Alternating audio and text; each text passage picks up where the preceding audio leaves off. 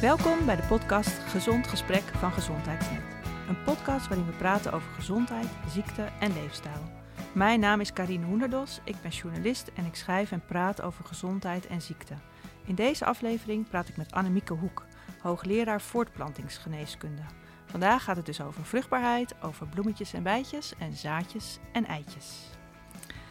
Professor Dr. Annemieke Hoek werkte in het Universitair Medisch Centrum in Groningen en dit gesprek voeren we in Amsterdam. Annemieke, welkom. Wat fijn dat je die hele reis uh, hebt ondernomen. Ging het goed? Geen treinvertraging? Nee, zeker niet. Uh, we werken in Groningen met de wetenschap dat we heel vaak uh, naar het centrum van het land moeten. Uh, en krijgen dus van de universiteit een kaart om met het openbaar vervoer gewoon overal heen te gaan. Ah, ja, je goed. houdt er gewoon rekening mee dat je vaker in het centrum van het land moet zijn voor wetenschappelijk overleg, et cetera. Ja, nou, en dus ook nu voor een podcast, ja. dus dat vinden we hartstikke fijn. Um, misschien kun je iets over jezelf vertellen en over je werk, want je bent dus uh, hoogleraar voortplantingsgeneeskunde. Wat, wat houdt dat precies in en hoe ben je dat geworden? Ja, um, nou, een, uh, laten we beginnen met uh, dat ik arts ben. Ja. en ook vrouwenarts, met een ander woord gynaecoloog. Dus ik heb een opleiding gevolgd als medisch student om basisarts te worden. daarna heb ik wetenschappelijk onderzoek gedaan. En heb ik vervolgens een opleiding gedaan als gynaecoloog. Um, dat heeft zes jaar in beslag genomen. Dus toen was ik vrouwenarts. En daarna heb ik besloten dat ik me toch nog wat verder wilde specialiseren in de voortplantingsgeneeskunde.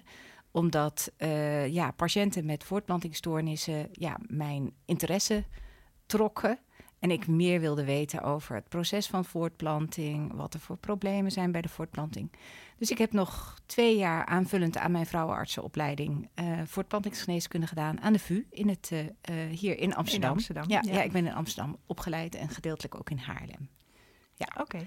En vervolgens ben ik uh, ja, als subspecialist voortplantingsgeneeskunde gaan solliciteren. En ik wilde specifiek in een academisch ziekenhuis werken, omdat ik daar meerdere zaken kon combineren. Zorg voor een specifieke categorie patiënten, uh, opleiding voor andere gynaecologen die mm -hmm. in dat subspecialisme zich ook wilden beklamen, bekwamen. En ook onderwijs aan studenten. En uh, vervolgens ook wetenschappelijk onderzoek. Dus die vier pijlers, zorg, opleiding van andere professionals, onderwijs en onderzoek, ja, dat trok me. En dat kun je in een academisch ziekenhuis doen. Ja, en, en hoe ziet dan je werkdag eruit? Is, uh, combineer je dan, loop je de ene moment op de afdeling en de andere moment geef je college? Of hoe moet ik dat zien? Ja, het is wel een beetje een spreidstand, moet ik je eerlijk zeggen. En dan inderdaad echt zo, twee armen en twee benen uit elkaar. Um, maar het wisselt zich ook een beetje natuurlijk af. Want ik geef echt niet elke dag college. Dat gaat vaak in, in uh, een aantal colleges bij elkaar in een bepaalde periode... waarin studenten een specifiek onderwerp, uh, onderwerp uh, tot zich moeten nemen. Dus inderdaad, de afgelopen week heb ik nogal wat colleges gegeven...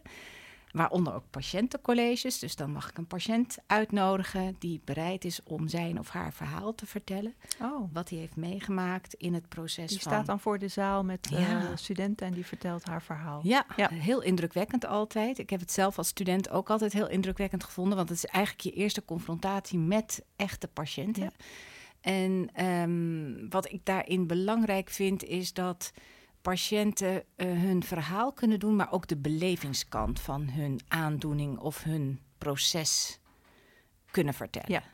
Uh, dat zo... je als dokter snapt van oh, dit is niet alleen maar een technisch uh, medisch geval, nee, maar. Nee, maar dit doet dit met patiënten. Ja. Hè? Ik bedoel, als wij op een bepaalde manier een diagnose stellen, dan kan dat voor patiënten al heel ingrijpend zijn. Dus die belevingskant vind ik belangrijk. En als je dan ook nog eens een keer gaat behandelen, waarbij sommige behandelingen wel lukken en sommige behandelingen niet lukken, dat doet natuurlijk ook wat met patiënten.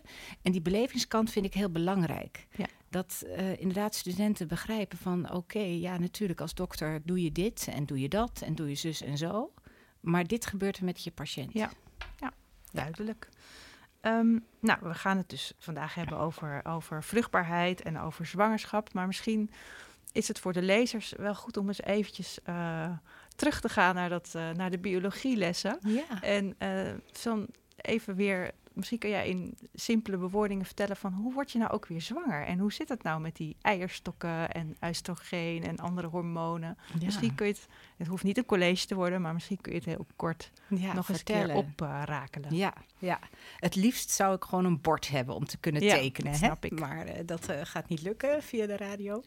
Um, eigenlijk is uh, van belang om te weten dat de, de eicellen liggen in de eierstokken. En die eicelvoorraad is bij vrouwen beperkt. Dat wil zeggen, er zijn uh, misschien wel 400.000 eicellen als je zo je eerste menstruatie hebt. Um, normaal gesproken zal er elke maand in die eierstok één eiblaas echt helemaal rijp worden. En wat wij noemen ovuleren, dus gaan springen, een ijsprong vertonen.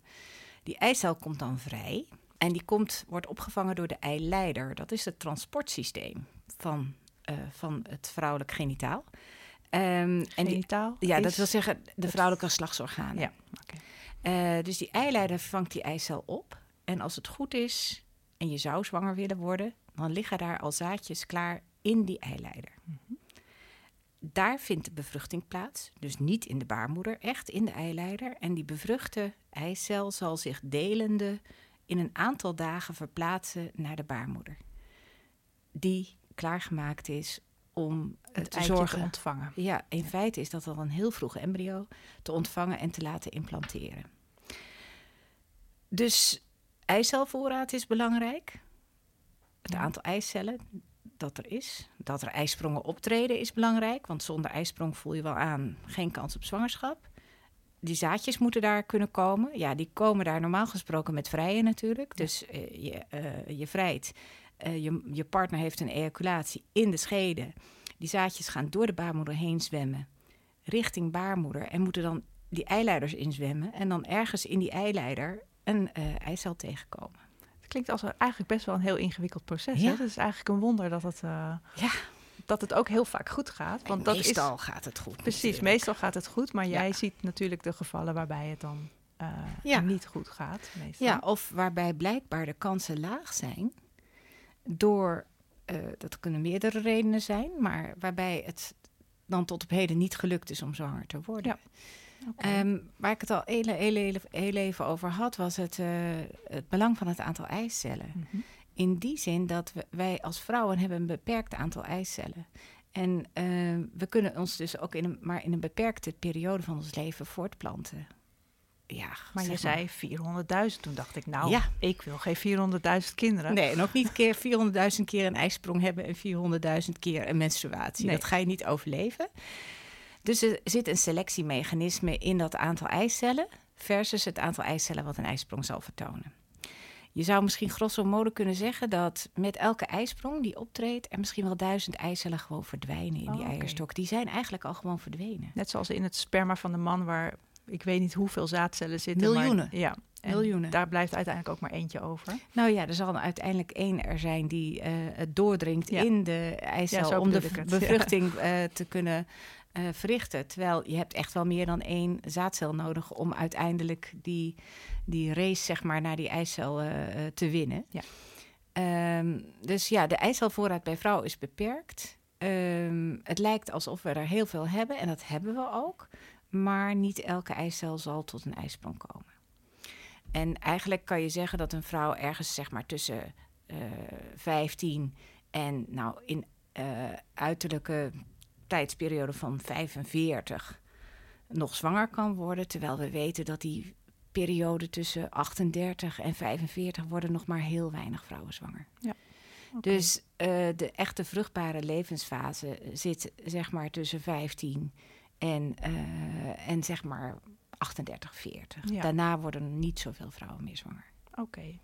Ik heb zelf ook kinderen, ik heb er drie. En ik, uh, toen ik 30 was, toen begon het bij mij echt te kriebelen. En dacht ik, oh, nu wil ik zwanger worden. Ja. Was dat nou een goed moment? Of denk je, denk jij? Het hangt er heel erg van af hoeveel kinderen je wilt hebben en hoe vruchtbaar je bent. En dat staat niet op je voorhoofd geschreven. Nog bij mannen, nog bij vrouwen. Um, er zijn natuurlijk voortplantende populaties, dus dat zijn uh, gemeenschappen waarin men geen voorbehoedsmiddelen gebruikt. Uh, bijvoorbeeld zoals de Hutterieten. En de die, daar heb ik nog nooit van gehoord. De, de Hutterieten, dat zijn de, de volgers van Jan Hut.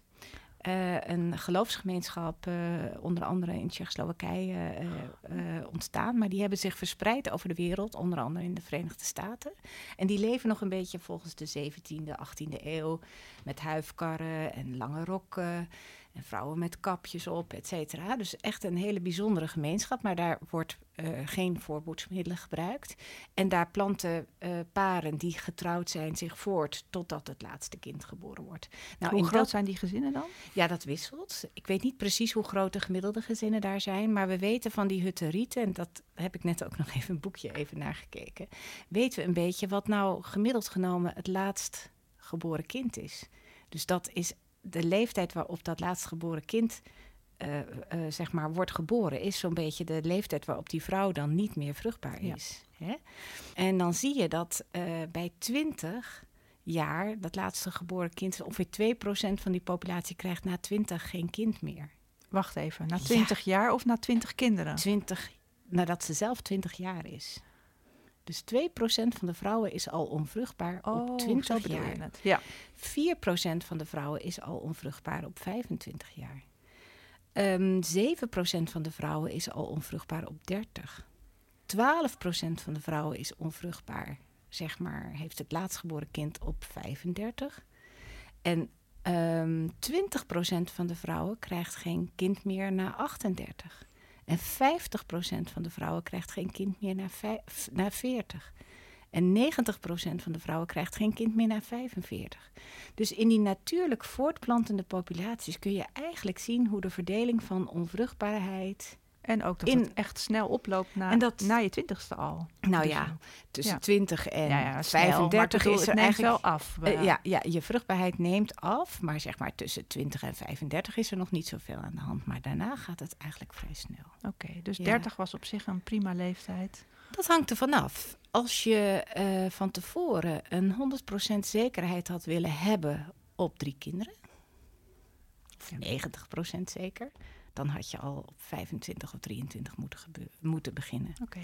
Dus je hebt, zal maar zeggen, je, punt 1, je hebt de mazzel gehad dat je vruchtbaar was samen met je man. Ja. En punt 2, ik weet niet wanneer jouw laatst geboren kind is geboren. Uh, toen ik 36 was. Toen je 36 ja. was, ja. ja. ja. Nou ja, dus blijkbaar heb je in een korte fase heb je drie kinderen kunnen verwekken met z'n tweeën, uh, een gezonde geboorte gehad. Ja. Uh, en vervolgens uh, ja, is dat gelukt. Maar als je meer zekerheid had willen hebben, dan had je eigenlijk ergens tussen de 23 en de 25 moeten beginnen. Dan had je een grote mate van zekerheid gehad op drie kinderen. Ja. Dus het uitstelgedrag, zeg maar, van paren leidt ertoe, en dat weten we ook wel uit wetenschappelijk onderzoek, dat het uitstelgedrag van paren ertoe leidt dat ze soms geen kind meer krijgen. En dat is heel verdrietig voor mensen die een kinderwens hebben. Maar ook soms tot le leidt tot kleinere gezinnen dan dat men aanvankelijk gewenst had. Ja. En met uitstelgedrag bedoel je uh, mensen die überhaupt voorbehoedsmiddelen gebruiken. En, maar ook omdat ze bijvoorbeeld eerst carrière willen maken of ja. een huis willen kopen. Of ja. ik weet niet, al die... Er zijn allerlei sociale uh, invloeden. Hè. Wij als mens leven niet op een eiland. Wij worden beïnvloed door alles wat om ons heen gebeurt. Uh, dus opleidingsniveau uh, speelt een rol. Vrouwen met een hoger opleidingsniveau beginnen vaak later aan kinderen. En zijn ook, zeg maar, hebben een hoger risico om, om uiteindelijk geen kind te krijgen of een, een, kind, een gezin te krijgen met minder kinderen dan dat ze gewenst hadden. Dus opleidingsniveau doet ertoe, maar ook of je betaald werk hebt en in welke categorie je betaald werk hebt. Dus of je heel erg veel werkt, zeg maar. Uh, een hoge mate van uh, nou ja, carrièrevrouw uh, bent. Ja, dan heb je ook op een gegeven moment minder. Dan krijg je meer uitstelgedrag en daardoor ook. Oh, je bedoelt als je, als je fulltime werkt, dan, dan gebeurt het dat mensen vaak daarom hun kinderwens uitstellen? Nou, dat er, ja, doordat ze in een, een, een, in een concurrerende omgeving werken, waarin geacht wordt dat ze flink uh, de pas erin zetten op het werk, uh, vele uren werk maken. En dat maakt het voor vrouwen soms moeilijk om te gaan combineren. Of het idee hebben van hé, hey, het wordt voor mij heel moeilijk om een gezin te stichten ja. op dit moment. Ik wil liever nog even wachten tot ik de volgende carrière stap heb gemaakt. Of inderdaad, net wat je vertelde, een huis kopen. Dat soort zaken hebben allemaal invloed op zeg maar, het uitstelgedrag van mensen. En daarmee de kans dat ze uiteindelijk niet meer zwanger worden, omdat de tijd verstrijkt. Uh, of een gezin krijgen wat uh, minder kinderen heeft dan dat ze aanvankelijk misschien met elkaar bedacht hadden. Ja, en, en hoe zit dat bij hoogleraren voortplantingskunde? Want uh, je hebt een hele lange studie gedaan volgens mij en een hele drukke baan. Ja. Dat is... Maar ik heb een hele goede man. Ah. dus ja, ook ik ben laat begonnen. Later dan dat ik gewenst had. Ja. Um, ik voelde tijdens mijn opleiding een enorme druk om eerst uh, een, een, groot deel van die opleiding goed te hebben afgerond. Zo van dat ik kon laten zien van nou, ik kan dit vak. Dat was punt één. Ik combineerde dat op dat moment ook nog met mijn wetenschappelijk onderzoek waarin ik moest promoveren. Dus ik moest me ook nog bewijzen op dat uh, terrein. Um, en ik dacht, ja, als ik dan ook nog een kind krijg, dat wordt wel uh, bijna een, een zeg maar combinatie van, van verantwoordelijkheden die ik bijna niet kan dragen. Um, totdat een van mijn mannelijke partners uh, uh, op de afdeling zei: Nou, ik moet je wat vertellen. Wij zijn zwanger. Dacht ik wel, potverdrie. Dat wil ik ook. En toen zei ik uh, tegen mijn man van weg met die plastic zakken, hup, condooms in de wilgen. um, ik wil ook zwanger worden. Dus weg toen... met die plastic zakken. Mooi gezegd, ja. ja. Ja, dus toen had ik het geluk dat ik op uh, eh, 32 zwanger werd. En inderdaad vlak voor mijn 33ste bevallen ben. Maar toen was ik nog niet gepromoveerd en ik was nog bezig met mijn opleiding. En toen dacht ik echt van ja, die promotie moet eerst van mijn rug voordat we aan nummer 2 beginnen. En uh, ja, dat hebben we ook inderdaad gedaan. Dus uh, du moment dat ik gepromoveerd ben, toen ben ik weer zwanger geworden ja. van nummer 2. En um, aan het einde van mijn opleiding, toen was ik dus, even nadenken, was ik uh, 37. Toen, um, toen ben ik mijn fellowship gaan doen, dus die, die, dat subspecialisme voor geneeskunde. En toen, uh, uiteindelijk ben ik zwanger geworden van nummer 3 en bevallen op 39. Dus ja, als je, als je mij uh, nu vraagt van, is dit allemaal verstandig geweest? Nee. Nee. Ik had echt, uh, bedoel, ik had die juiste man, die had ik al heel lang. En ik wist dat hij de juiste vader van kinderen zou zijn. Dus wij hadden gewoon veel eerder moeten beginnen. Maar door al die studie en opleiding ben ik eigenlijk zelf een voorbeeld van, ja, ja. zeg maar, ja, uh, uitstelgedrag, wat, wat risico's met zichzelf heeft meegebracht. Maar blijkbaar had ik een vruchtbare partner en was ik zelf ook nog voldoende vruchtbaar. Hoewel in mijn geval kon ik ook gewoon aan mezelf zien. Die eerste zwangerschap die trad gelijk op. Die tweede zwangerschap deed ik een half jaar over. En die derde zwangerschap deed ik negen of tien maanden over. Dus ook in mijn eigen leven heb ik gewoon kunnen zien hoe mijn vruchtbaarheid, ja. zal maar zeggen. Dat was trouwens bij mij ook zo. Ja. Eh, ja, dat het eh, langer duurde dat naarmate het langer, ja. Uh, er en, meer en, kinderen waren. Ja, en ik weet niet of het precies alleen maar kwam door de verminderde vruchtbaarheid, maar ook... Verminderde coitusfrequentie, denk je. Als je een druk gezin hebt, dan uh, ja. schiet dat er natuurlijk ook wel eens bij in. Maar, ja, ja. ja en, en dit is natuurlijk allemaal nog binnen een normale termijn. Ja. Hè? Ik bedoel, binnen een jaar zwanger worden, wie praat daarover? Dat is normale variatie. Ja, want dat is eigenlijk normaal. Hoe hoe geduldig moet je zijn als je besluit om de plastic zakken weg te gooien of de, de pil, pil uit het raam? Ja, ja of die, of die uh, spiraal eruit. Ja. Um, gemiddeld genomen kun je zeggen dat als mensen 12 maanden onbeschermde coitus hebben, dus onbeschermd vrije, en ze hebben een regelmatige cyclus, dat rond de 80% van de paren dan zwanger is. Gemiddeld genomen. Binnen een jaar. Binnen een jaar. Ja.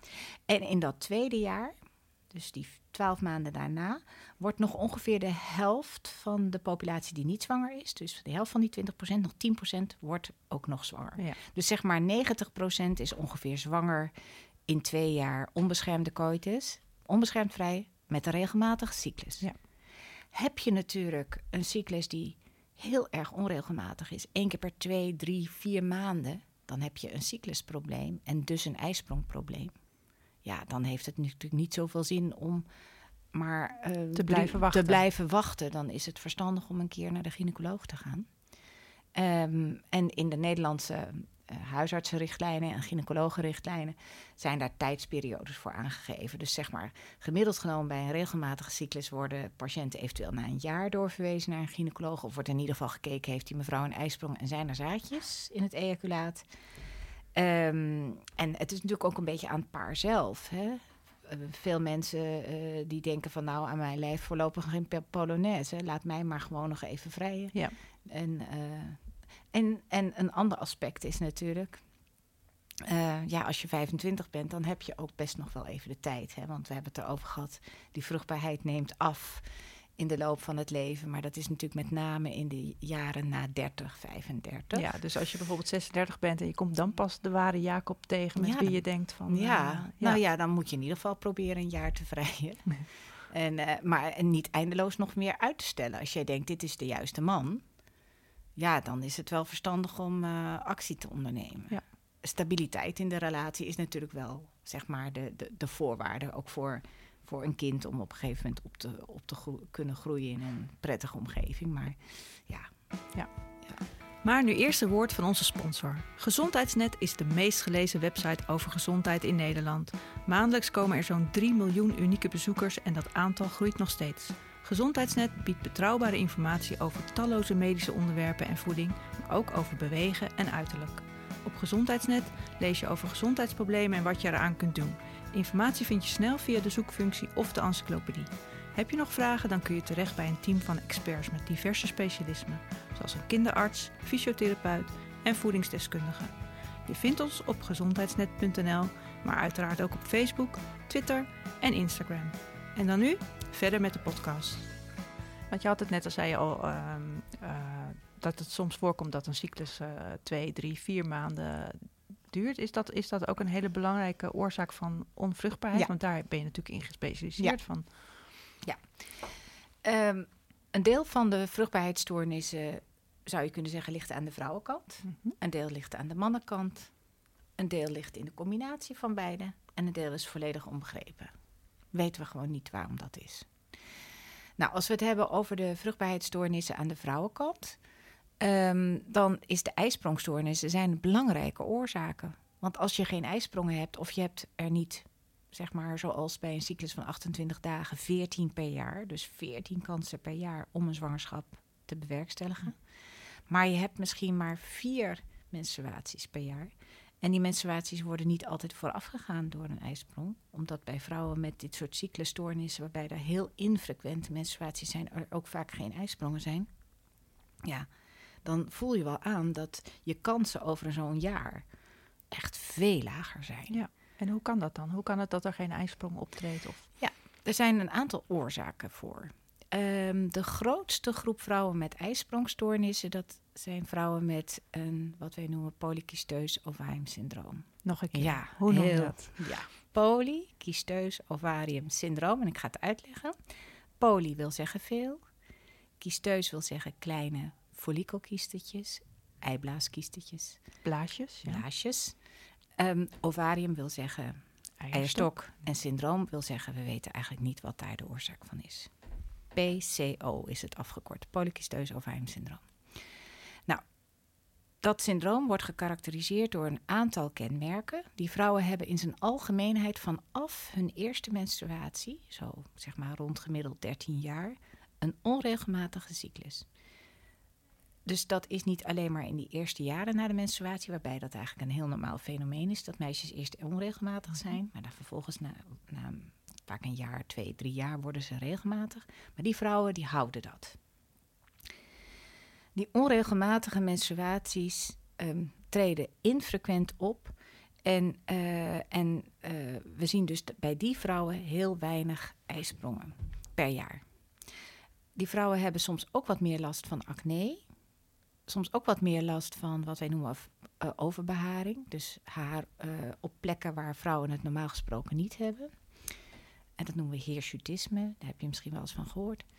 Um, dus bij die vrouwen circuleert er wat meer mannelijk hormoon. En het is een soort ja, we weten eigenlijk niet. Want soort... mannelijk hormoon zorgt voor die overbeharing en voor acne. En, uh, ja, en, ja, dus er, er is, we weten niet precies waar, de, waar het beginpunt en het eindpunt is bij, de, bij deze vicieuze cirkel waar die vrouwen in zitten. Um, maar er zijn een aantal zaken die uh, het biologisch mechanisme bij die vrouwen uh, kunnen verklaren. Bij een aantal van die vrouwen. Um, gewicht kan daar een invloed op hebben, met name overgewicht. Als die vrouwen te zwaar worden, zie je vaak dat het probleem zich verergert. Um, het is een zeg maar iets aangeborens. Niet dat je kunt aanwijzen, oh, het zit op dat chromosoom. Het is waarschijnlijk door meerdere genen beïnvloed. Ehm, en het wordt inderdaad versterkt door, uh, door te veel gewicht, zeg maar, te veel vetmassa. Maar we kennen ook patiënten die een hele slanke uh, postuur hebben en die toch ook dat PCO-syndroom hebben. Hoe vaak komt dat voor? Ja dat, hangt, ja, dat hangt een beetje af van de populaties. Dus uh, in de Nederlandse populatie waarschijnlijk ergens tussen de 5 en de 7 procent van alle vrouwen in de fertile levensfase. Dus zeg maar 1 op 20. Dat is best misschien veel. ja, 1 op 20, ja. 1 op 16 misschien. Is dat daardoor ook de meest voorkomende oorzaak van onvruchtbaarheid? Of het is moeilijk niet, zwanger kunnen Het is een belangrijke oorzaak van de vrouwelijke ja. uh, kant deel van het verhaal. Van de ja. vrouwelijke kant van het verhaal. Dus de, de vrouwen met cyclusstoornissen, die kun je eigenlijk verdelen in die vrouwen met de PCO. Dat is eigenlijk de grootste categorie. En dan is er een hele kleine categorie vrouwen met uh, ijsprongstoornissen als het gevolg, als het gevolg van uh, bijvoorbeeld ondergewicht of te veel um, fysieke activiteit. En dan moet je denken aan duursporten zoals hardlopen, wielrennen, turnen, ballet. De echte hele fragiele. Ja, dus de vrouwen met een enorme spiermassa. Overgetrainde vrouwen. De overgetrainde vrouwen die dus veel spiermassa hebben en weinig vetmassa. Dat is wel grappig. Dus aan de ene kant levert te weinig vetmassa een probleem op. Aan de andere kant te, te veel vetmassa levert ook een probleem op. Dus een vrouw heeft een bepaalde hoeveelheid vetmassa nodig, iets meer dan 20 procent. Vetmassa nodig om een normale cyclische activiteit, dus een cyclus te hebben, een ijsprongcyclus te hebben. Um, die vrouwen die dus in die categorie van ondergewicht en ja, zeg maar behoorlijk getraind zijn, maar soms ook alleen maar ondergewicht door te weinig eten. Denk aan de anorexia-patiënten. Maar ook soms ondergewicht door gewoon insufficiënte voeding. Dus die eten wel heel ongezond veel. eten. Ja. Nou ja, ongezond eten. Te eenzijdig eten waarschijnlijk. Heel veel planten, maar weinig vette koolhydraten. Dus een beetje overgechargeerd misschien. Mm -hmm. Want planten eten is natuurlijk heel gezond. Daar gaat het niet maar om. bedoel je dan de veganistisch etende vrouwen? Of? Nee, dat zou ik niet durven zeggen. Nee. Ik durf eigenlijk misschien meer te zeggen... de, de calorie-intake en de samenstelling van de voeding is zeg maar te eenzijdig. Okay. Waardoor ze dus te weinig calorieën hebben... te weinig vetten in hun dieet hebben... en daardoor eigenlijk zelf te weinig vetmassa hebben. Dus uh, die categorie vrouwen met die cyclusstoornissen op basis van ondergewicht, uh, te veel duursporten, dus te veel fysieke activiteit of een combinatie van die twee, wat je bijvoorbeeld bij uh, professionele ballerina's ziet. Hè, dan, die hebben een enorme fysieke activiteit, maar lage vetmassa. Ja. Um, maar ook dus de ziektebeelden als anorexia horen daartoe. Ja. En, dus maar en die vrouwen die menstrueren ook minder of misschien zelfs ja, helemaal niet. Die stoppen ook met menstrueren. Meestal ja. stoppen ze helemaal met menstrueren. Okay. Ja. Dat is wel een alarmsignaal, denk ik. Dat is wel een alarmsignaal, ja. En dat is maar een kleine categorie van, van de vrouwen die ijsprongstoornis heeft. Dus de grootste categorie zijn die PCO's. Dat is ongeveer, zeg maar, van alle vrouwen met ijsprongstoornissen is dat 80% Ongeveer 10% heeft dat probleem met ondergewicht, te veel fysieke activiteit, waardoor ja. de cyclus uitblijft. En dan hebben we nog 10% over. En dat zijn de vrouwen die te vroeg in de overgang zijn gekomen. En hoe kan dat? Ja, zouden we dat maar, maar weten, wist het maar. Um, ongeveer 10% van de vrouwen met cyclusstoornissen heeft dat dus op basis van, uh, van een, uh, een beperkte eicelvoorraad. Die zijn dus vroeger dan andere vrouwen door hun eicelvoorraad heen. En we hebben het net al eventjes over die eicelvoorraad gehad. Die is beperkt bij vrouwen. Gemiddeld genomen is die zo'n beetje op rond 52. Ongeveer tien jaar daarvoor ben je eigenlijk al niet meer echt vruchtbaar. Uh, maar er is dus een categorie vrouwen die voor 40 in de overgang komt. Um, en ja, ook dat laat zich niet altijd aanzien. Soms is het in families bekend hè, dat moeder en oma bijvoorbeeld op 33, 34 in de overgang komen. Dat zijn natuurlijk vrouwen die dat wel horen. Van, die zijn al gewaarschuwd. Die zijn al wij, gewaarschuwd. Wij moeten vroeg beginnen. We moeten vroeg, vroeg beginnen. Maar het is niet altijd duidelijk. Um, en, en soms is het gewoon helemaal niet in families bekend en treedt het zomaar op. En er zijn een aantal oorzaken, uh, die liggen meer in het erfelijk materiaal, in de geslachtschromosomen. Als daar foutjes in zitten, dan maak je minder eicellen aan en ben je er dus eerder doorheen. Maar dat is maar een hele kleine categorie. Um, wanneer er zwakzinnigheid in de familie uh, aanwezig is. Dat noemen we het fragiele X-syndroom. Dat zijn mannen die zwakzinnig zijn. Die, die vrouwen die in die families uh, zitten, hebben soms ja, een soort wat wij noemen premutaties, dus uh, mutaties in hun erfelijk materiaal. Uh, waarbij ze zelf geen last hebben van die zwakzinnigheid, maar wel uh, een kans hebben om eerder in de overgang te komen. Jeetje, wat is het allemaal ingewikkeld? ja, maar dit zijn echte uitzonderingen. Daar ja, moeten we het ja. eigenlijk niet over hebben. Nee, maar al met al zijn er wel echt heel veel factoren ja, die, dat ja, kunnen die, verstoren. Ja, die dus uh, ertoe kunnen leiden dat er ijsprongstoornis kunnen hebben. Waarbij, nogmaals gezegd, de grootste groep de vrouwen met de PCO is. Ja. Een kleine groep vrouwen met ondergewicht en te veel fysieke activiteit. Hè, dus ook de marathonloopsters bijvoorbeeld, uh, dat soort uh, vrouwen. en, en de vrouwen met een insufficiënt dieet, die dus ja, geen goede samenstelling hebben, waardoor hun calorie-intake te laag is en hun vetmassa daardoor te laag. Ja, Stel, stel dat je nu naar deze podcast luistert en je bent een vrouw en je hebt je bent niet zo heel regelmatig uh, ongesteld en je hebt overgewicht. Ja. Um, durf jij dan te zeggen als gynaecoloog van uh, als je afvalt, neemt je vruchtbaarheid toe? Um, dat is een gewetensvraag. Um, voor een deel van de vrouwen met overgewicht zal het uh, laten reduceren van de met vet, vetmassa door een evenwichtigere uh, voeding uh, tot je te nemen en mogelijk wat meer fysieke activiteit. Dus, en dat hoeft niet per se hardlopen te zijn, maar gewoon wandelen, mhm. fietsen. Nou, wat, wat mensen normaal gesproken op kunnen doen. Op een gezonde manier afvallen. Op een gezonde manier afvallen. Echt niet gaan crashen met je dieet, maar echt gaan nadenken van... hé, hey, hoe kan ik mijn voedings, voedingssamenstelling zo maken dat ja, ik wat minder calorieën tot me neem en toch uh, gezonde voeding uh, eet. Een deel van die vrouwen die dus hun vetmassa laten afnemen, zal wat regelmatigere ijsprongen krijgen en daarmee dus een kans op een spontane zwangerschap vergroten. Ja. Niet bij alle vrouwen. Je geeft geen garanties, nee, begrijp ik. Nee, nee want uh, we kennen dus ook de slanke vrouwen met een PCO-syndroom. Ja. ja. en dat heeft natuurlijk helemaal geen zin om die te laten afvallen. Dus vrouwen die te zwaar zijn, echt fors te zwaar, die zou je wel adviseren om uh, zeg maar zelf ook een, uh, een um, inspanning te verrichten om te kijken of ze een, een, betere samenstelling van hun voeding kunnen nastreven. En uh, wat meer fysieke activiteit, waardoor ze ook hun spontane kansen verbeteren. Ja, ja. Je hebt, we hebben wel eens eerder gesproken en daarin heb je verteld dat je daar ook onderzoek naar hebt gedaan. Hè, naar die, ja. Om te kijken of je met leefstijl, zeg maar, dus bewegen en gezond eten, de kans op de vruchtbaarheid kan verbeteren. Ja. Wat kwam daaruit uit het onderzoek? Nou, dat was in die zin um, een, uh, het was een heel groot onderzoek wat we gedaan hebben in 23 ziekenhuizen in Nederland.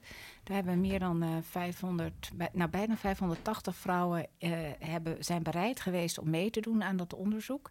Waarbij inderdaad de helft van die vrouwen leefstijlbegeleiding kreeg door getrainde verpleegkundigen. En die leefstijlbegeleiding bestond uit inderdaad gezonde voeding nastreven, meer fysieke activiteit, dus een stappenteller dragen. Het advies, is, advies om twee tot maximaal drie keer in de week een beetje matig intensief uh, sport te beoefenen. Het zij fietsen, wandelen, dat soort dingen of zwemmen, wat mensen maar leuk vonden.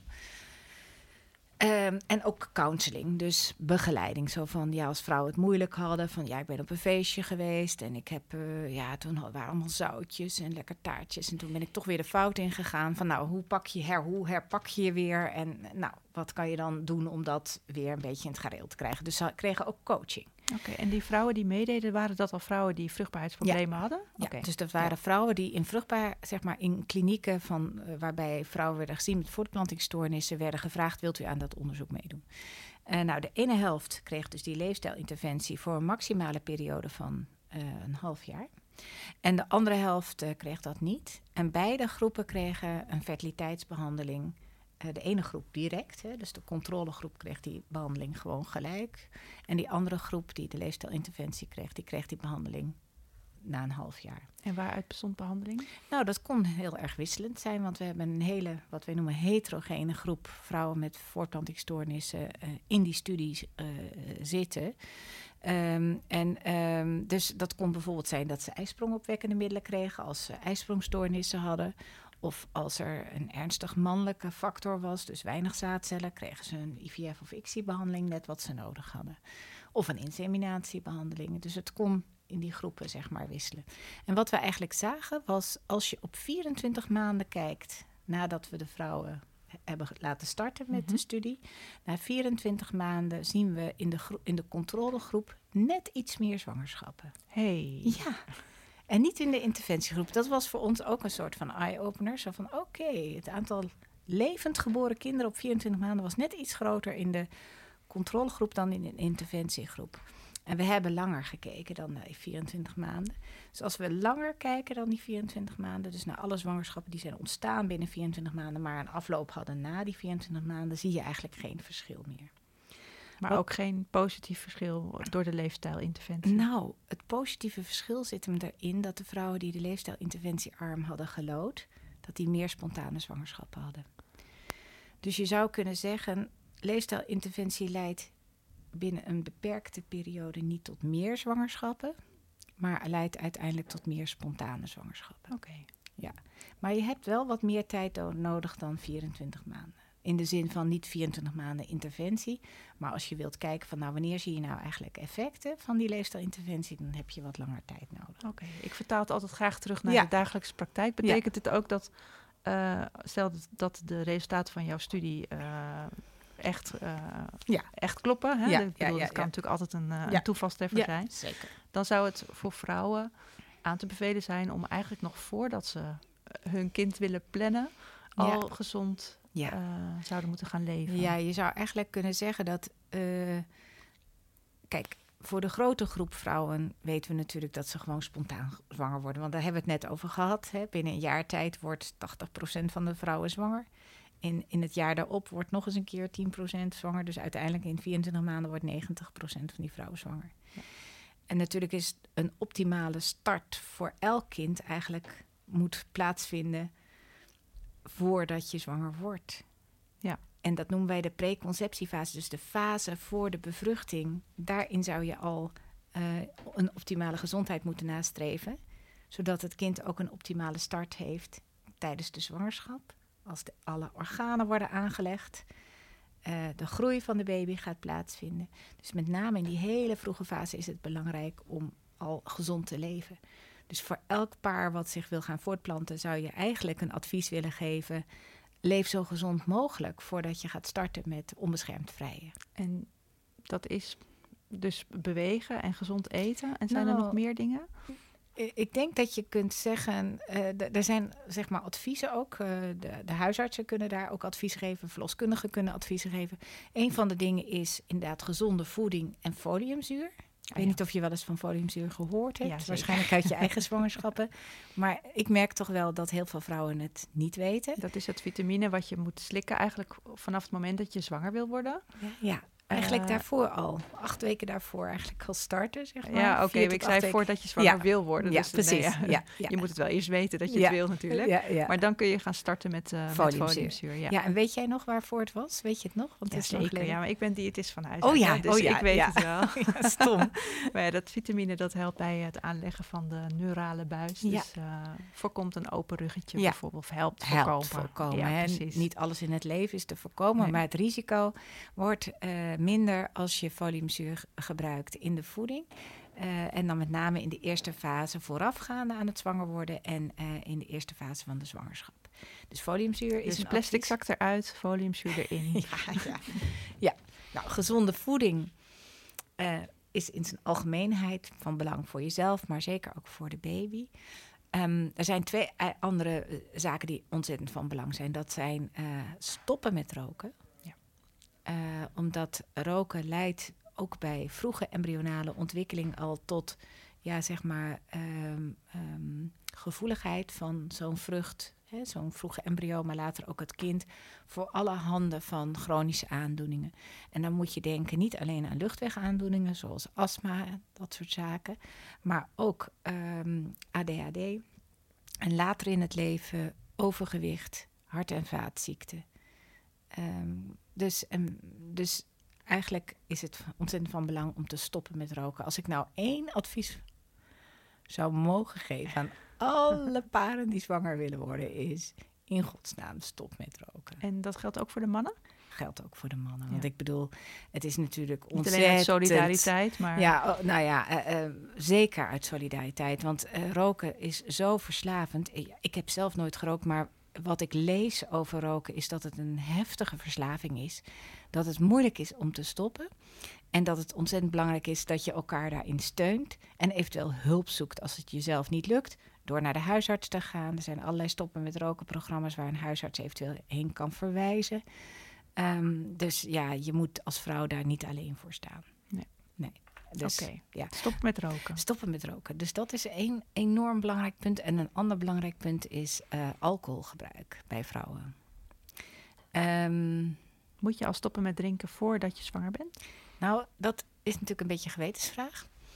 Um, je weet natuurlijk nooit wanneer je zwanger wordt. Dat is het probleem, want die zwangerschapstest ja, die doe je als je, zwangers, als, als je menstruatie uitblijft. Maar dan ben je in feite al een kleine twee weken zwanger. Of tenminste bijna twee weken. En in die periode kun je je vruchten al blootgesteld hebben aan alcohol. Dus uh, als je zwanger wilt worden, moet je je alcoholintake echt duidelijk verminderen. Zeg maar voor de gezondheid van uh, een vroege, vroege embryonale ontwikkeling. Uh, en het liefst natuurlijk niet drinken.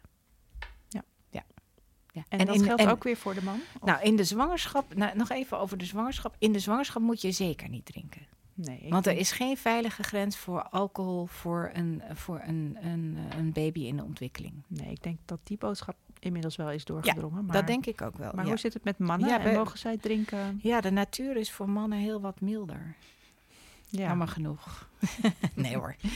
Um, de natuur is in die zin milder voor mannen. Als het gaat om alcoholintake, dan kunnen mannen um, zeg maar uh, veel, veel, meer alcohol gebruiken, zal maar zeggen, zonder dat er schadelijke effecten te meten zijn op hun vruchtbaarheid of uiteindelijk op het kind. Um, maar ik denk dat daar misschien ook nog niet zo heel veel goede, goed onderzoek naar gedaan is. Wat het effect is van alcoholgebruik bij mannen op uiteindelijk de gezondheid van het kind. Dat we daar misschien nog onvoldoende van weten. Maar als het gaat om de vruchtbaarheid van mannen, weten we dat de, de alcoholhoeveelheid. Uh, niet zoveel invloed heeft. Nou, niet zoveel, mits het niet enorme binge-drinkers zijn. Ja, dan, dan heel veel in één keer. Heel veel in één keer. Dus matig alcoholgebruik is voor mannen niet, niet echt zo schadelijk. Nee. nee. nee. Maar daarin geldt natuurlijk ook weer een beetje, je, bent er ook, je staat er ook als koppel in hè, als je zwanger wilt worden. Dus als die man uh, elke avond uh, twee eenheden alcohol nuttigt en die vrouw die uh, zegt van ja, eigenlijk mag ik niks. Ja, daar zit misschien een stukje solidariteit ja, ook in. hier geldt maar weer solidariteit. Ja, dat is natuurlijk iets wat koppels zelf kunnen uitmaken. Ja. ja. We hebben het steeds over uh, klassiek, over man-vrouw koppels. Maar er zijn natuurlijk ook vrouw-vrouw koppels, man-man koppels. En toevallig was het laatst in het nieuws uh, over de vrouw-vrouw koppels dat het uh, voor hen moeilijk is om uh, een uh, inseminatie vergoed te krijgen. Ja. ja, deze afgelopen twee weken is er echt veel opschudding ontstaan rondom de vergoeding van vrouwen die een kinderwens hebben. Dus alleenstaande vrouwen of lesbische koppels die een kinderwens hebben. Tot voor kort werd eigenlijk door de zorgverzekeraar de inseminatiebehandeling met donorzaad vergoed in de basispakket van de verzekering. Uh, maar nu is duidelijk geworden dat, uh, dat, dat, dat de zorgverzekeraars dat eigenlijk niet hoeven te vergoeden. Uh, en er is dus veel opschudding in de media, maar ook onder alleenstaande vrouwen met een kinderwens en lesbische paren met een kinderwens. Want een inseminatiebehandeling, ja, die is best duur. Um, en dat betekent dat er ja, ook een soort ongelijkheid nu ontstaat tussen heteroseksuele koppels waarbij de man misschien geen zaad heeft en op basis daarvan een behandeling krijgt met donorzaad, wat wel vergoed wordt door de zorgverzekeraar, versus een lesbisch paar wat geen zaad heeft en dus afhankelijk is van donorzaad wat uh, door de klinieken uh, ter beschikking wordt gesteld, doordat ze zelf donoren werven bijvoorbeeld, die heel duidelijk screenen op aangeboren erfelijke afwijkingen, op uh, infectieziekten. Dus dat is in principe veilig zaad. Waarbij de donoren goed gecounseld zijn over het feit dat wij in Nederland uh, voor de kinderen de donoren altijd opspoorbaar zijn. Dus niet voor het paar wat uh, gebruik maakt van de zaaddonatie, maar wel voor het kind wat uiteindelijk geboren wordt uit de donatie. Als het kind volwassen is, kan die um, contact krijgen met zijn biologische gameetdonor, zaaddonor. Nou, dat is in Nederland in die zin goed wettelijk afgedekt en goede klinieken zorgen daar ook voor dat die donoren goed gecounseld zijn over wat hun rechten, maar ook wat hun uiteindelijke plichten zijn. En je kunt je voorstellen dat als, uh, als dit niet meer vergoed wordt door de zorgverzekeraar voor deze lesbische paren en alleenstaande vrouwen, terwijl lesbische paren en alleenstaande vrouwen mogen adopteren, kortom, voor de wet zijn ze zeg maar gelijkgesteld in die zin aan heteroseksuele paren, dat, uh, dat dit leidt tot situaties waarbij uh, die lesbische paren het bijvoorbeeld niet kunnen betalen, de inseminatiebehandelingen. En daarmee misschien in een circuit belanden met uh, ja, donoren die zich aanbieden op het internet. Gebeurt dat al? Ja, dat gebeurt. Absoluut. En we weten natuurlijk inmiddels ook wel uit, uh, uit de media dat er soms donoren zijn die hebben 50 of 100 of 150 kinderen. Uh, je moet je voorstellen wat, uh, wat dat betekent voor een kind. Voor als een je, kind, als hij erachter komt. Achter van, de ik heb, uh, ik zoveel heb- broertjes en zusjes. Ja, halfbroertjes en zusjes. Ja. Dus ehm, de belangen van het kind kunnen potentieel geschaad worden door het feit dat die vergoedingen uit het basispakket eh, gehaald of zeg maar niet meer toegekend worden in het basispakket. Ja. Dus als je het nu hebt over een optimale start van het leven voor een kind geboren uit donatie, dan zou je willen dat de donor goed gescreend is en goed gecounseld is over zijn rechten en over zijn plichten naar het toekomstig kind toe. Ja. Ehm, dat het een veilige omgeving is waar die donatie kan gebeuren. In een ziekenhuis wat daar goed eh, voor toegerust is, met specialisten die daartoe voor toegerust zijn, ook om die donoren te screenen.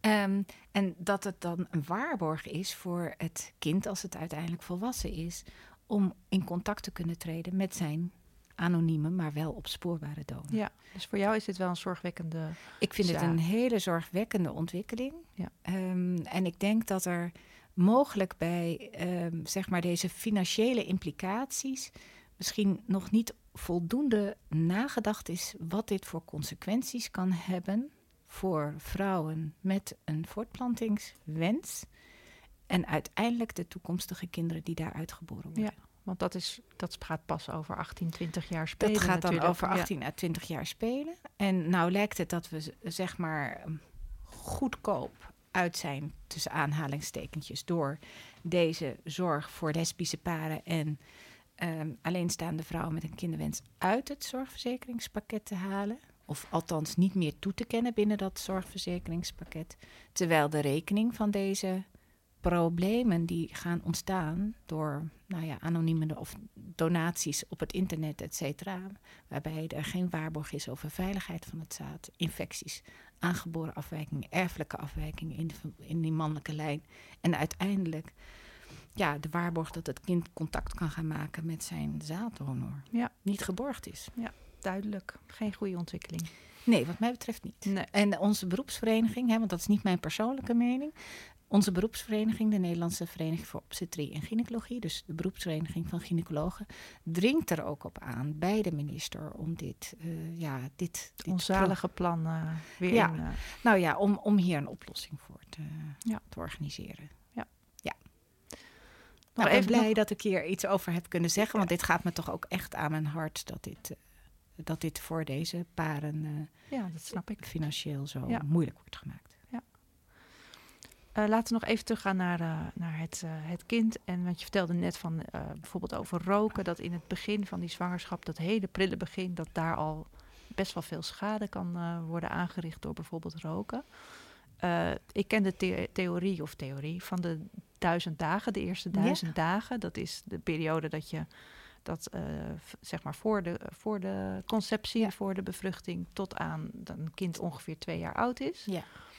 Ehm, bemoei jij je daar ook mee met die duizend dagen en probeer ervoor te zorgen dat elk kind een zo'n gezond mogelijke start krijgt? Ja, dat is natuurlijk voor elk. eh, voor, voor vele zorgverleners eh, rondom zwangerschap, eh, geboorte. Dus denk aan verloskundigen, denk aan huisartsen, denk aan gynaecologen.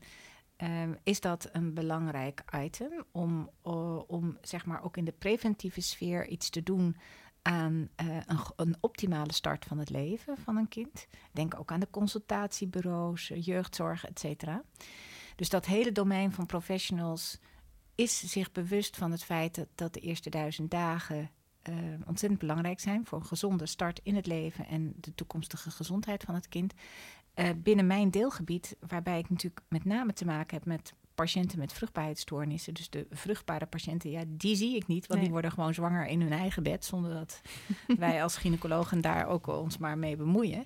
Maar um, de vrouwen en de mannen met voortplantingsstoornissen, daarbij is het natuurlijk ook belangrijk dat zij zich bewust zijn van uh, wat ze zelf kunnen doen om een zo optimaal mogelijke start van het leven mogelijk te maken.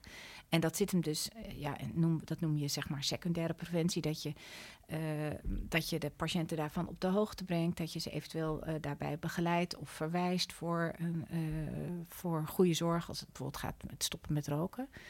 Um, maar wij doen ook wel wat onderzoek naar ja, wat is er voor invloed van voeding op vruchtbaarheid. Daar is nog heel erg weinig over bekend. Jammer. Dus ja, jammer. Dat, dus ik kan niet zeggen van nou. Eet uh, dit dan. Uh... Eet dit dan. Nee, nee, zo zit het leven niet in elkaar. En daar kun je natuurlijk ook wel iets bij voorstellen. Want over de hele wereld planten mensen zich voort. En je weet. En iedereen eet anders. En iedereen eet anders. Kijk naar een continent als Afrika of Azië of wat dan ook. De voedingssamenstelling is echt anders. En het is natuurlijk niet zo dat het ene continent vruchtbaarder is dan het andere continent. Maar voeding heeft zeker invloed. Uh, alleen we weten nog niet precies hoe dat werkt. Dus ja, daar wil ik me de komende jaren ook uh, voor gaan inzetten. Dat we samen met uh, de Wageningen Universiteit, waar natuurlijk heel veel kennis is over voeding, dat we wat specifieker gaan kijken van nou, wat, zijn, wat is nou echt een gezond voedingspatroon voor mensen die, ehm, ja, die zwanger zijn of zwanger willen worden. Zwanger willen worden. Ja. En dan moet je dus niet denken aan magic bullets als ehm, quinoa of Blauwe bessen. Blauwe bessen of iets dergelijks. Maar uh, meer in een soort, ja, uh, soort samenstelling van voeding die evenwichtig is. Ja. ja, ja. Want uh, je, ja, je vertelde al, je, je loopbaan is al, uh, is al best lang. Is, zijn er dingen veranderd sinds dat jij zeg maar als, als co-assistent voor het eerst door de Amsterdamse ziekenhuisgangen liep? En, en nu zijn de, is het beeld op zwangerschap en gezondheid rondom zwangerschap veranderd? Ja, dat denk ik wel. Um, wat kan ik daarover vertellen? Is het even na te denken? Nou, bijvoorbeeld binnen mijn eigen deelgebied, uh, de voortplantingsgeneeskunde.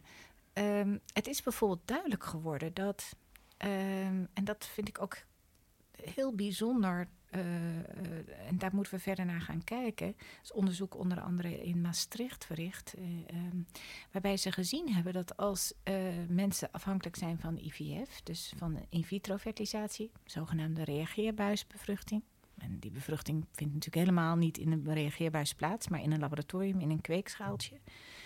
Dat embryo's die daar ontwikkelen in een bepaald kweekmedium. Hè, want je kunt een eicel en een zaadcel niet op een droog bodempje leggen van een kweekschaaltje. Daar moet een beetje vocht omheen en dat noemen we kweekmedium. Ja. Um, dat als ze in kweekmedium A uh, die embryo's twee of drie dagen gelegen hebben voordat ze teruggeplaatst worden, of in kweekmedium B, dat er verschil is in geboortegewicht van die kinderen.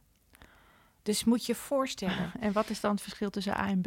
Nou, dat, dat zijn gewoon zijn twee commercieel available, dus uh, commercieel uh, kweekmedia die gewoon maar gebruikt het is niet alleen maar water. Er zit ook dus nog niet, iets nee, van voedingsstoffen zitten, in. Of, ja, er zitten wat, wat aminozuren in. Daar zitten, zit zelfs een heel klein beetje antibiotica in, dat er geen infectie in die kweek komt, et cetera.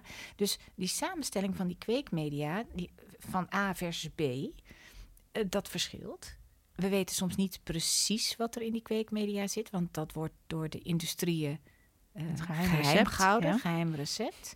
Maar als je dat ver gaat vergelijken, is er dus een verschil in geboortegewicht. Terwijl ja. die, ki die kinderen, zeg ik, die embryo's daar, uh, die eicel ligt daarin. Die zaadcellen worden daarbij gedaan.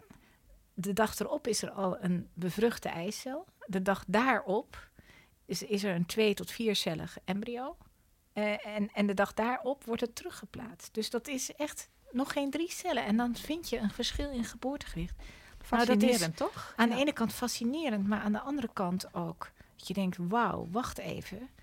Hier moeten we veel meer van weten. Dus de programmering van die baby's, die in embryonale fase misschien maximaal uiteindelijk achtcellig zijn, uh, als ze teruggeplaatst worden, die is al zo geprogrammeerd door die kweekmedia dat ze een ander geboortegewicht hebben op het moment dat ze geboren worden. En dit zijn de dingen die je nog niet wist toen je. Absoluut niet. Absoluut niet. Nee. Dus dat maakt mij, maar ook de professionals in, in, in de zorg van de voortplantingsgeneeskunde steeds meer uh, aware, zeg maar, dat we ons steeds meer realiseren. Oh, maar wacht even, zelfs in die paar dagen dat ze bij ons in het laboratorium liggen, die embryo's, gebeuren er zaken waar wij veel meer van moeten weten. Ja. Uh, dus afgezien van de gezondheid voorafgaande aan het zwanger worden, dus de voeding, stoppen met roken, stoppen met alcohol, bladibladibla, is het ook heel erg belangrijk van wat gebruiken wij in het laboratorium. Ja. En uh, we moeten meer weten van, uh, van wat er voor invloed is op die embryo's. En dat is natuurlijk ja, moeilijk onderzoek. Ja. ja. Maar dat wisten we absoluut niet. En daar wordt nu steeds meer onderzoek naar gedaan. Om, om... En ook het hele principe van die duizend dagen was volgens mij nee. ook nog niet bekend. Nee, ja, ik wel, denk dat iedereen wist natuurlijk wel: het is belangrijk dat je gezond zwanger bent. Ja, en, ja. Maar niet die impact op, op, op de langere termijn. Op de lange termijn, nee. Ja. Ik denk dat dat ook um, zeg maar een van de aanjagers van dat type van um, um, zeg maar besef uh, dat het zo belangrijk is dat ook een vroeg embryo, die dus echt net ontstaan is. Uh, en als daar in dat milieu van de implantatie, in de voeding, et zaken onevenwichtig zijn, heeft dat uiteindelijk effect op de gezondheid later in het leven. Is, dat onderzoek is verricht onder andere door, uh, door Tessa Rozenboom, een, belang, een, belangrijk onderzoeker op dit terrein. Ja, hier. Tessa die is een Amsterdamse onderzoeker Ja. die uh, onderzoek heeft gedaan naar kinderen in de hongerwinter. Ja, precies. Uit, Dus dat, uit de oorlog. Ja, ja. uit dat onderzoek is het echt duidelijk geworden dat vrouwen die uh, zeg maar een uh, deficiënte, dus een niet goed samengestelde voeding hadden met te weinig calorieën, maar ook te weinig goede stoffen in die voeding, met name in die hongerwinter.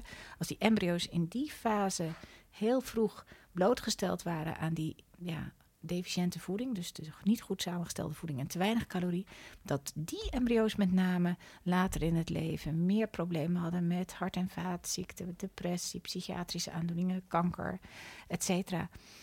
Uh, terwijl je de geboortegewichten van die kinderen nog niet eens zoveel verschilden. Nee. Dus, uh, dus in die dat zin... is echt een lange termijn effect. Dat is een lange termijn effect, maar die dus al vroeg, vroeg embryonaal wordt geprogrammeerd, als het ware. Ja. He, zo ja. zou je het kunnen zeggen.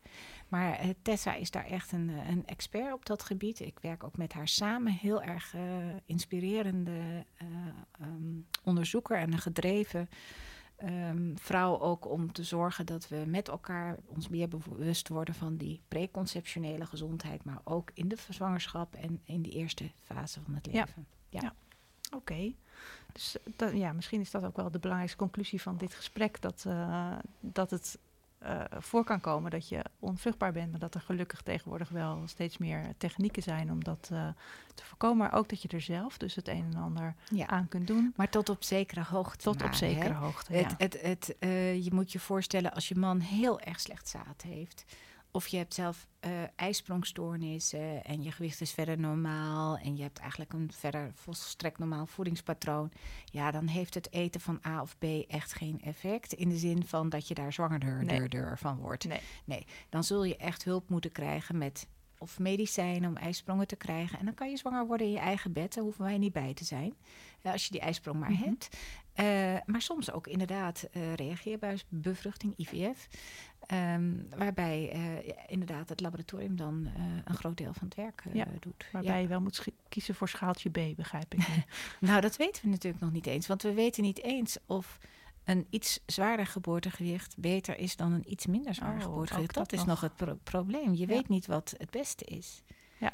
Oké, okay, maar nog even terug naar de, naar de voeding en de leefstijl. Want dat ja. vertelde je ook over die duizend dagen. Dat het wel belangrijk is dat een kind in een gezonde baarmoeder ja. tot uh, ontwikkeling komt. Ja. En dat je daar je best uh, voor, eigenlijk je best voor moet doen. Gewoon nou, als ja, jonge ouders en als toekomstige jonge ouders. Ja, je zou kunnen zeggen, ja, je best voor moet doen. Uh, ik denk dat eigenlijk de meeste paren daar ook een soort positieve gevoel bij hebben. Vrouwen zijn best bereid om te trachten te stoppen met roken. Maar het is moeilijk, dus soms hebben ze daar hulp bij nodig. Hè? Uh, en datzelfde geldt natuurlijk ook. Uh, niet iedereen weet wat gezonde voeding is. En je weet, de ene hype stapelt zich op op de andere hype. En als je dan niet weet waar je de goede informatie kan vinden. En ik denk dat ik wel kan zeggen waar je de goede informatie kan vinden. Bij het voedingscentrum.nl, mm www.voedingscentrum.nl. Die geeft objectieve informatie over voeding, over gezonde voeding. Ook over als je zwanger wilt worden. Um, en ik denk dat dat een heel goed, zeg maar, um, een goede, goede website, een goede basis is om te kijken van nou, als, ik, als je het zelf niet helemaal weet, uh, om je informatie te halen. En niet op allerlei vage websites van allerlei vloggers en uh, die zeggen dat uh, je moet elke dag quinoa eten en je mond spoelen met weet ik veel wat voor olie. Uh, ja, daar, daar, daar, daar, daar ga je de gezonde voeding niet krijgen. Het is eigenlijk fantastisch dat we in Nederland een onafhankelijk instituut hebben die ons kan voorzien van echte informatie over wat gezonde voeding is. En dat is het voedingscentrum.nl. Ja, okay. Ik heb geen aandelen. Nee, ik ging bijna denken. Ja, precies. nou, we hebben nee, het gehad over, over vruchtbaarheid en eitjes en zaadjes. En hoe zit het eigenlijk als jij ik bedoel, ik neem aan dat jij ook nog wel de baby's ziet die uiteindelijk ja. uh, worden geboren. Ja. Ik heb zelf een enorme zwak voor vers geperste baby's. Heb je dat ook nog steeds? Uh... ik vind het altijd, ja, vers geperste baby's heel erg leuk. um, als gynaecoloog, dat is wel het bijzondere van, uh, van, van zo'n zo'n subspecialisme wat ik beoefen. Ik, overdag werk ik eigenlijk alleen maar met, uh, met, uh, met het team rondom patiënten met voortplantingsstoornissen of hormonale stoornissen. En we, hebben ook nog wel patiënten met geslachtelijke ontwikkelingsstoornissen. Dus het is wel een wat breder pakket en wat kindergynaecologie, et cetera. Maar goed, s'nachts en s'avonds heb ik ook wel dienst voor de verloskunde. Dus dan uh, om half vijf ga ik naar de overdracht en dan hoor ik uh, wie er op de verloskamers liggen, welke patiënten uh, problemen hebben in het kraambed of die ziek zijn tijdens hun zwangerschap en bij ons opgenomen liggen. Ja, en dan ben ik ook wel betrokken bij bevallingen die dan ja, risicovol zijn of waarbij een keizersnee moet gebeuren of waarbij een, een vacuüm-extractie moet gebeuren. Um, maar ik werk daar overdag niet. Dus uh, s'avonds en s'nachts uh, ben ik nog wel bij uh, de bevallingen. En inderdaad is het iets heel bijzonders om, om ja, erbij te zijn als een kind geboren wordt. Um, ik moet je wel eerlijk zeggen dat meestal worden, worden wij als gynaecologen geroepen op het moment dat er problemen zijn. moeilijkheden zijn. En, uh, en dan is het vaak dat je een keisnee moet doen of, eh, of iets dergelijks. En uh, ja, dan is de situatie natuurlijk wel heel klinisch. Hè? Dan sta je op de operatiekamer, dan gaat die mevrouw opereren, dan wordt het kind even snel zo. ja. Nou, dit is uw baby, hup, die moet even snel ingepakt dat hij niet afkoelt voordat hij weer naar de moeder kan. Dus dan is het wel een beetje klinisch. Maar laat ik wel dit zeggen: dat ik vind het wel eh, belangrijk dat ik als voortplantingsspecialist uh, ook betrokken ben, nog deels dan bij het eindpunt. Ja, je zou ook bij het eindpunt. Het, eindpunt, het beginpunt van het leven, maar voor mij dan zeg maar eindpunt, hè, het hopelijk gezonde kind. Want je blijft je dus realiseren met welke risico's we soms te maken hebben. Want in zo'n voortplantings uh, team heb je gewoon ook te maken met vrouwen die een vruchtbaarheid, of zeg maar een, een wens hebben om zwanger te worden, maar een ernstige aandoening hebben. En um, ja, dan moet je risico's wegen van, ja, wat betekent dat uh, voor de zwangerschap? Wat betekent het als we een vruchtbaarheidsbehandeling gaan doen bij deze vrouw? En wat betekent het dan voor uiteindelijk het kind wat gaat geboren worden? Dus je ziet dan het hele proces, zal ik maar zeggen. En doordat je betrokken blijft, ook bij die geboortes, weet je ook van waar, waar moet je op letten. Hè? Vroeger, want dat is nog een van de grote verschillen met zeg maar 20 jaar geleden en nu. Nu plaatsen we meestal één embryo terug als we IVF hebben gedaan. Vroeger werden er twee, drie, misschien wel vier embryo's teruggeplaatst. Ja, dat heb ik niet meer meegemaakt, maar die vier embryo's. Maar daar werden er soms hele grote meerlingen gecreëerd. Wat natuurlijk een enorm risico was in de zwangerschap. Hè. Die vrouwen uh, werden te vroeg, uh, kwamen die kindjes te, te wereld, uh, overleden, gingen soms in, in de neonatale intensive care, et cetera. En hadden, nou ja, door hun vroege geboorte allerlei schade le leverde dat op. Maar ja, de technieken zijn in die zin zo verbeterd dat we nu in principe één embryo terugplaatsen. Um, en het feit dat ik in het verleden ook geconfronteerd ben met de meerlingen die we zelf hielpen creëren, de tweelingen. En dan ook de problemen die we uiteindelijk zagen bij die tweelingen. Ja, maakt wel dat je op scherp staat aan het begin. Ja. Hè, dat je denkt van ja, we moeten echt zorgen dat die mevrouw een optimale kans op een zwangerschap krijgt. Maar wel het liefst van een eenling, want die tweelingen geeft toch ook veel problemen. Ja. Kijk, een gezonde tweeling, daar zal iedereen heel blij mee zijn. Maar die tweeling wordt niet altijd gezond geboren. Worden vaak te vroeg geboren. Kortom, je organiseert meer complicaties. Ja. Oké. Dus die, die timeline is voor mij in mijn professionele ontwikkeling wel heel belangrijk geweest. Dat ik niet alleen maar aan dat hele prille begin heb gestaan, maar dat ik ook de eindpunten heb gezien. En gezien heb van oké, als we dit doen, dan is dat potentieel de consequentie. Moeten we dat willen? Ja. ja. Gezien de tijd gaan we, ik, ik zou nog uren willen praten over, over baby's en vruchtbaarheid en alles wat erbij komt kijken. Maar in ieder geval uh, dank ik je echt heel hartelijk uh, voor je verhaal, voor je mooie verhaal. Um, je luisterde naar Gezond Gesprek, een podcast van Gezondheidsnet, gepresenteerd door Carine Hoenedos en met producer Jonne Serize. De tune is speciaal voor ons gemaakt door de Yearlings. Kijk voor meer informatie over vruchtbaarheid en zwangerschap op www.gezondheidsnet.nl. Wil je reageren op deze uitzending? Via Twitter zijn we te bereiken via Van Carine en Gezond Nieuws. Abonneer je vooral ook op iTunes en laat daar in elk geval ook een review achter, zodat andere mensen de podcast Gezond Gesprek ook kunnen vinden.